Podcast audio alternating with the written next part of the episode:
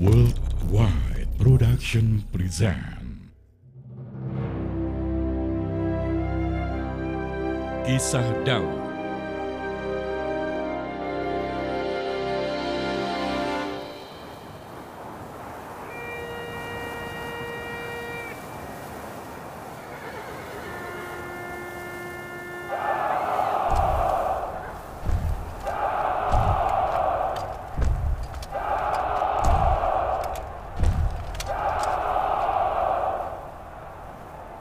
Wah, hai orang Israel, coba kau pilih salah satu wakil bagimu, dan biarlah ia turun melawan aku. Jika ia dapat mengalahkanku, maka kami akan menjadi hambamu. Tetapi jika aku dapat mengalahkannya, maka kamu akan menjadi hamba kami dan takluk kepada kami.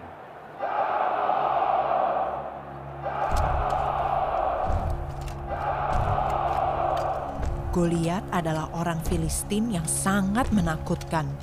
Sosoknya yang tinggi, besar, dan lengkap dengan baju zirah, tombak, dan perisai itu membuat ciut nyali bangsa Israel.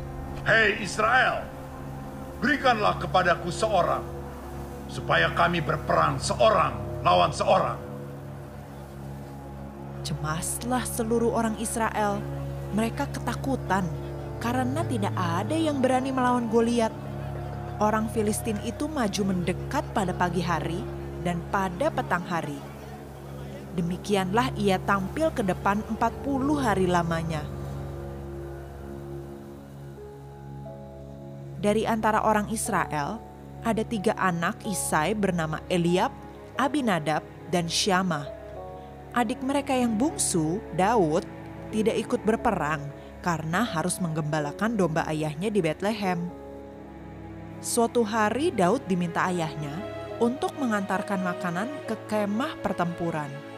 Daud pun pergi pagi-pagi benar dan sampailah di perkemahan tepat ketika tentara keluar untuk mengatur barisannya.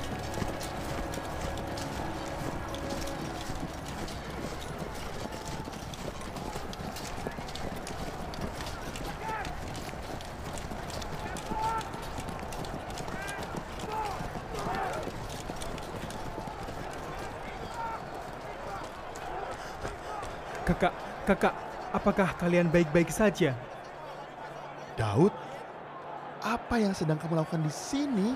Aku kemari membawakan... Aku menantang kalian bangsa Israel. Berikanlah kepadaku seorang, supaya kami berperang seorang lawan seorang. Sudahkah kamu lihat orang yang maju itu? Sesungguhnya ia maju untuk mencemoohkan orang Israel. Orang yang mengalahkannya akan dianugerahkan raja kekayaan yang besar. Raja akan memberikan anak perempuan kepadanya. Dan kaum keluarganya akan dibebaskan dari pajak di Israel. Siapakah orang Filistin itu? Sampai-sampai ia berani mencemoohkan barisan daripada Allah yang hidup. Mendengar perkataan Daud barusan, berkatalah Eliab, Mengapa engkau datang? Dan pada siapakah kau tinggalkan kambing domba di padang gurun? Ah, aku tahu. Pasti kamu kemari untuk melihat pertempuran, bukan? Apa yang telah kuperbuat? Hanya bertanya saja. Daud kemudian berpaling daripada Eliab dan menanyakan hal yang sama kepada orang lain. Dan rakyat memberi jawab kepadanya sama seperti tadi.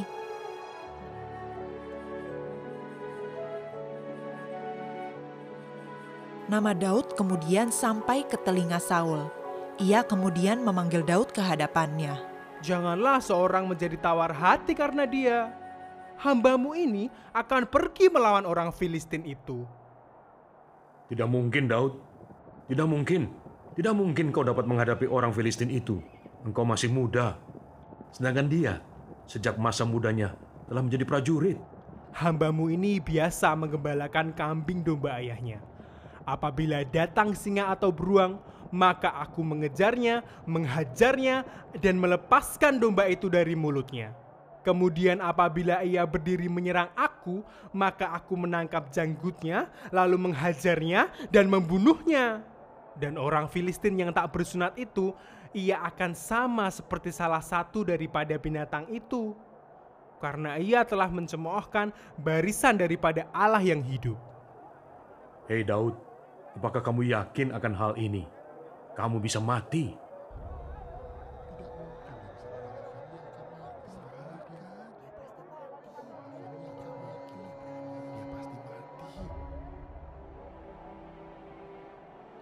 Tuhan yang telah melepaskan aku dari cakar singa dan dari cakar beruang. Dia juga yang akan melepaskan aku dari tangan orang Filistin itu. Pergilah, Tuhan menyertai engkau. Lalu Daud mengambil tongkatnya di tangannya, lalu dipilihnya lima batu yang licin dalam kantung gembala yang dibawanya. Demikianlah ia mendekati orang Filistin itu.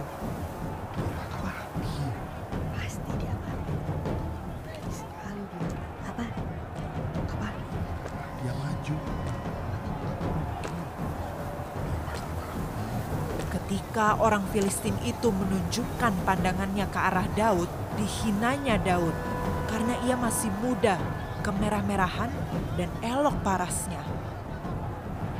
Anjingkah aku? Maka engkau mendatangi aku dengan tongkat. Lalu demi para allahnya, orang Filistin itu mengutuki Daud. Hei anak muda, aku akan memberikan dagingmu kepada burung-burung di udara dan kepada binatang-binatang di padang. Engkau mendatangi aku dengan pedang dan tombak dan lembing, tetapi aku mendatangi engkau dengan nama Tuhan semesta alam. Hari ini juga Tuhan akan menyerahkan engkau ke dalam tanganku. Aku akan menyerahkan mayatmu dan mayat tentara orang Filistin kepada burung-burung di udara dan kepada binatang-binatang liar, supaya seluruh bumi tahu bahwa Israel mempunyai Allah.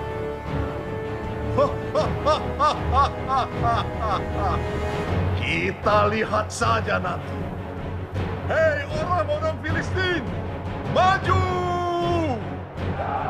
Lalu Daud memasukkan tangannya dalam kantungnya. Diambilnyalah sebuah batu dari dalamnya, lalu diumbannya.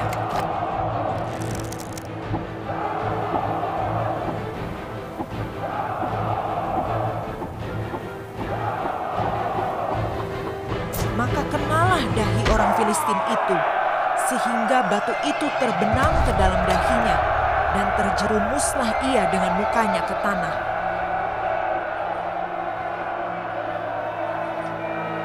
Demikianlah Daud mengalahkan orang Filistin itu tanpa pedang di tangan. Ketika orang Filistin melihat bahwa pahlawan mereka telah mati, maka larilah mereka. Orang-orang Israel bersorak-sorak dan mengejar orang Filistin serta mengalahkan mereka.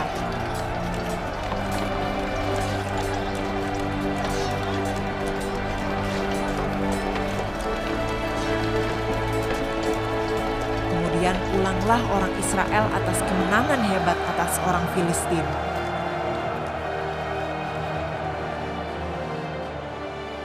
Demikianlah Tuhan menyertai Daud yang dapat mengalahkan Goliat dengan menggunakan umban dan batu.